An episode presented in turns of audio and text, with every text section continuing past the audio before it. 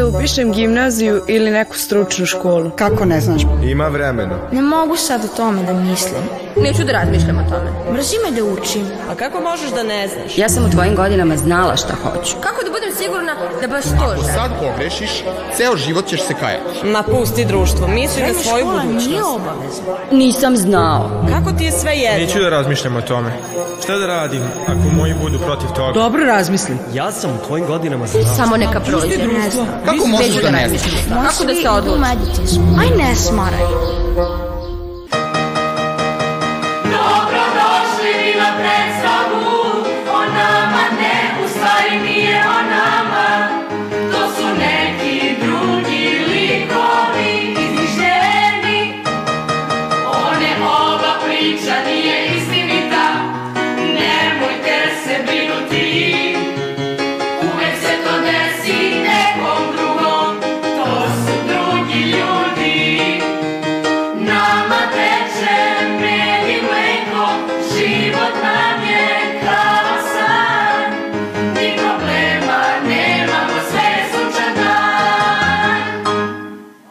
Ovako na izgled raspevano i naivno počinje interaktivna dramska predstava zanimljivog naziva Med, a boga mi mleko, koja je za samo tri izvođenja u pozorišnoj sali gimnazije Laza Kostić popunila sva mesta, a publiku ostavila sa mnogo dilema i razloga za razmišljanje.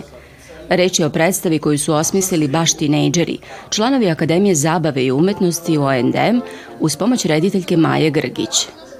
Zatekli smo ih na generalnoj probi i pokušali da saznamo koliko je predstava promenila i njihove živote, kako su je stvarali i zašto imaju tako zapažene reakcije publike koja neretko ostaje i sat vremena nakon predstave da polemiše o pitanjima koje su tu pokrenuta. A bilo ih je, od straha koji blokira tinejdžere, vršnjačkog uticaja, očekivanja roditelja i okoline, manjka prave komunikacije, svako se mogao pronaći bar u nekoj od scena. Iskustvo je bilo sjajno, mislim da su sjajni mladi ljudi se skupili u tom momentu. Ne znam da sam komentarisala da možda nikad grupa nije bila bolje sačinjena nego tada i da su oni jako bili srećni zbog toga. Tako da smo onda krenuli redom istraživanja, lična iskustva, i onda smo gradili kasnije celinu. Meni je ovo bio jedan od verovatno omiljenih projekata kojim sam se bavio u životu. Uh, najpre sviđa mi se ideja, e, jer ideja je da mi mladi tinejdžeri E, napravimo sami svoju predstavu o nama. I bilo je stvarno zanimljivo na radionicama pričati o svim problemima koji nas okružuju i šta nam sve smeta oko njih postoje jako lepe stvari i stvarno mislim da to jeste jedan od najlepših perioda života, ali da takođe je i jako teško u nekim momentima i da možda baš zato što smo tako mladi i sve to da nam često govore da nam je sve super i da će sve to proći, da ne treba ni oko čega da brinemo, a u stvari zapravo mislim da imamo neke probleme o kojima se treba pričati i o kojima treba posvetiti pažnju. Jako mi je drago da sam stekla divna prijateljstva koja nisam ni očekivala, eh, a i s druge strane bilo je veoma zahtevno to što smo se bavili upravo našim problemima i problemima s kojima se susreću naše generacije. Kako su eh, tvoji odrasli iz tvoje okoline reagovali na predstavu? Vrlo su se zapitali i zabrinuli da su nečemu pogrešili, prosto u nekim e, odlukama koje su donosili i nekim stvarima koji su mi govorili. Posle predstave su baš preispitivali svoje odluke i bilo im je teško baš. Prvo je bilo o čemu ćemo uopšte praviti predstavu, šta nas povezuje kao tinejdžere i ti neki problemi odmah su nastali To je, mislim, odma smo shvatili da svi delimo iste probleme i onda smo odlučili da od tih problema, eto, da malo obasjamo svetlost na sve to, da pokažemo da nije to tako lagano, da nije to med i mleko. Šta će moji roditelji reći ako ne prođem? Šta ako ostali budu bolji od mene? Ne. Biće sve dobro. Samo moram da mislim pozitivno Biće sve super. A šta ako neće? Ne, pa ja ovo ne mogu. Ovo nije za mene, mislim, koja je poeta svega ovoga. I, i tako ću živjeti pored nekog kontejnera u mačim govnima. Odustajem, ja, ja ovo ne mogu. Tokom nekoliko izvođenja ove predstave u publici su se mogli naći ne samo tinejdžeri, uglavnom srednjoškolci, već i njihovi roditelji, nastavnici, pedagozi, psiholozi. Zašto samo sediš i ćutiš? Čuješ li ti mene? Hajde se malo pokreni. Ja ne znam kako će ove nove generacije, to nije ni za šta. U naše vreme, Ovo jesu rečenice koje su sastavni deo komunikacije sa tinejdžerima, pa su se mnogi odrasli zapitali može li to da izgleda drugačije. Akteri predstave imali su neka razmišljanja i predloge za to. Škola se mora završiti. Treba da imaš pošten posao. Žena treba samu sebe da izdržava. Pa šta ako ja ne budem imala posao? Gde ću ja naći uopšte posao? Da odem u inostranstvo. Tamo me niko ne zna. Šta misliš da je osnovni problem eh, nekih nesporazuma i nesuglasica između tinejdžera i njihove okoline? Uh, pa najviše možda, m, mm, neću da kažem loša komunikacija, ali komunikacija najviše. Da li, uh, mislim, ja govorim iz svoje perspektive, Dobre. Da. najviše uh, tinejdžeri da li da se plaše da govore nešto roditeljima što im smeta, što što predstavlja neki problem za njih, misle možda da će ih osuditi na neki način, da im neće pomoći na pravi način, da možda nema rešenja tom problemu, tako da najviše komunikacija. Mogu reći najviše s naše strane zatvorenost, ali isto tako zna da bude i od strane roditelja. Iznenadila sam se koliko je mladih ljudi zapravo bilo voljno da priča na toj debati i svaki put se, mislim dobro nismo igrali puno puta, ali svaki put se stvarno iznenadim koliko se stvarno dece javi i kaže nešto i kaže nešto što je veoma smisleno i zapravo o čemu treba da se razgovara, zato što imala sam osjećaj da niko neće podići ruku, da niko neće tražiti mikrofon, a na kraju se završilo tako što moramo da prekinemo u jednom trenutku moramo da uzimamo mikrofone ljudima da se to ne bi odužilo satima. E sad jedno jako teško pitanje, može? Može. E, da si ti roditelj i da si gledao svoje dete u ovoj predstavi, šta bi mu rekao nakon predstave i kako bi se ponašao? Pa definitivno, kao i svi roditelji naši nakon predstave onako malo su se osvrnuli na sebe, pogledali da li možda rade nešto pogrešno, oni koji su se našli u predstavi, toj deci baš i nije bilo dobro posle. Moji se nisu našli u predstavi, hvala Bogu. Da. Ali da, naravno da bih onako razmislio o tome kako vaspitam svoje dete, da li radim nešto pogrešno. To je bilo uglavnom neka poenta predstave. Kad smo sakupili brdo materijala, e, stalno smo se pitali šta je od ovog istina, šta je realno. E, zato što, kako da kažem, neko nešto doživljava i prenaglašeno i ovako i onako ili neko laže ili ne od njih, nego ono što možete naći u medijima ili tako dalje.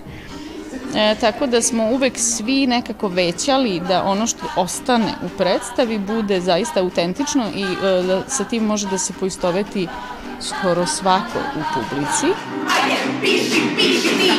moraš u životu uspeti, moraš prijeti položiti, Prijeti moraš položiti. Šta da ćeš ako ne budeš položila, hoćeš ulici da čitiš iznad prosješta, niko nije uspeo za škole nikad, ideš ti štraj kad te stigne glad, ajde piši, piši, piši, piši sad, samo se koncentriš jer igraš je smak sveta i ti si propala, i niko te neće voleti nikada. Ozar srce nije sve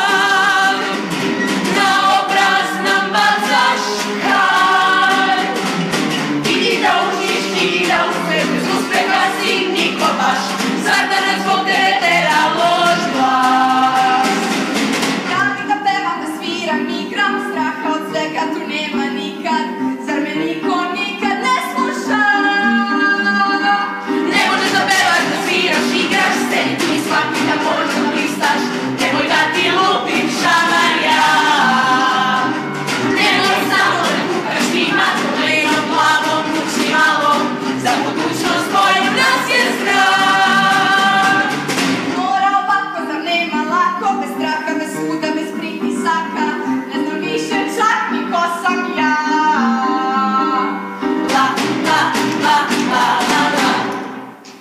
Da život nije med i mleko jasno je i ovim mladim ljudima, kao što im je jasno da jedino iskreno iskazanim stavovima, namerama i postupcima mogu zadobiti poverenje okoline, bilo da su u pitanju škola, roditelji ili društvo.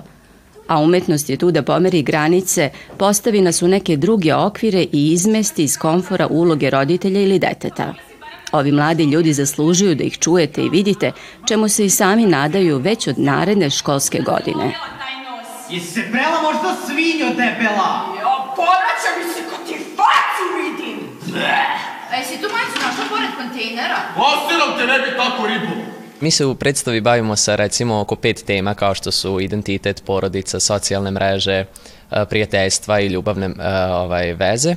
I mislim da se meni najviše sviđaju socijalne mreže jer to je nekako najaktuelnije sada, a mislim da se i publici ta scena najviše sviđa i I imamo još jednu koju doduše sad neću otkrivati koja je stvarno pokrene na razmišljanje publiku. Sve to što se objavljuje na društvenim mrežama, paziš na svaki svoj korak jer se sve prati. Naravno ima i osoba koje ne objavljuju toliko često na društvene mreže, ali prosto kao što pokušavaš da budeš savršen u realnom svetu, isto tako pokušavaš da budeš još savršeniji na tim društvenim mrežama. Možeš li da zamisliš svoj život bez mobilnog telefona? Ne. ne. Dobro, a bez glume? Ni to. Dva zajedz pet kavajka.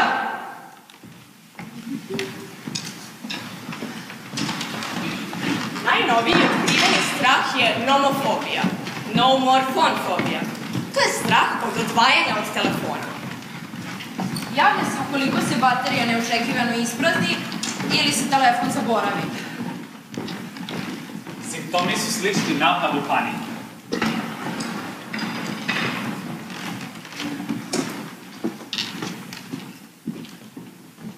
Au, kakva slika, ribo! Smajli katica. Smajli koji balavi, smajli koji balavi, smajli koji balavi.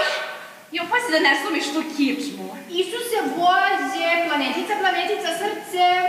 Nikila pudera ne prekriva tvoju ogavnost. A jel možeš toliko da se gubiš? Unfollow. Jel teko izgrbele smo sinoć? A, Durek se izvinjava. Brat moj najluđi. Da ti sam. Sretnica. Bijeba, poljubčić, poljubčić, dva srceta. Reši, brat, srce, srce, planeta, planeta, katanac, katanac, ključ. Svakome je bitno da kaže ono što je njegovo, da izrazi sam sebe i da e, onda ako dobije priliku za to, naravno da je to pun pogodak. E, tako da s te strane je apsolutno najbitnije da je to njihovo i oni su se tako i odnosili prema tome kao da je to prilika u kojoj oni mogu da kažu zaista sve.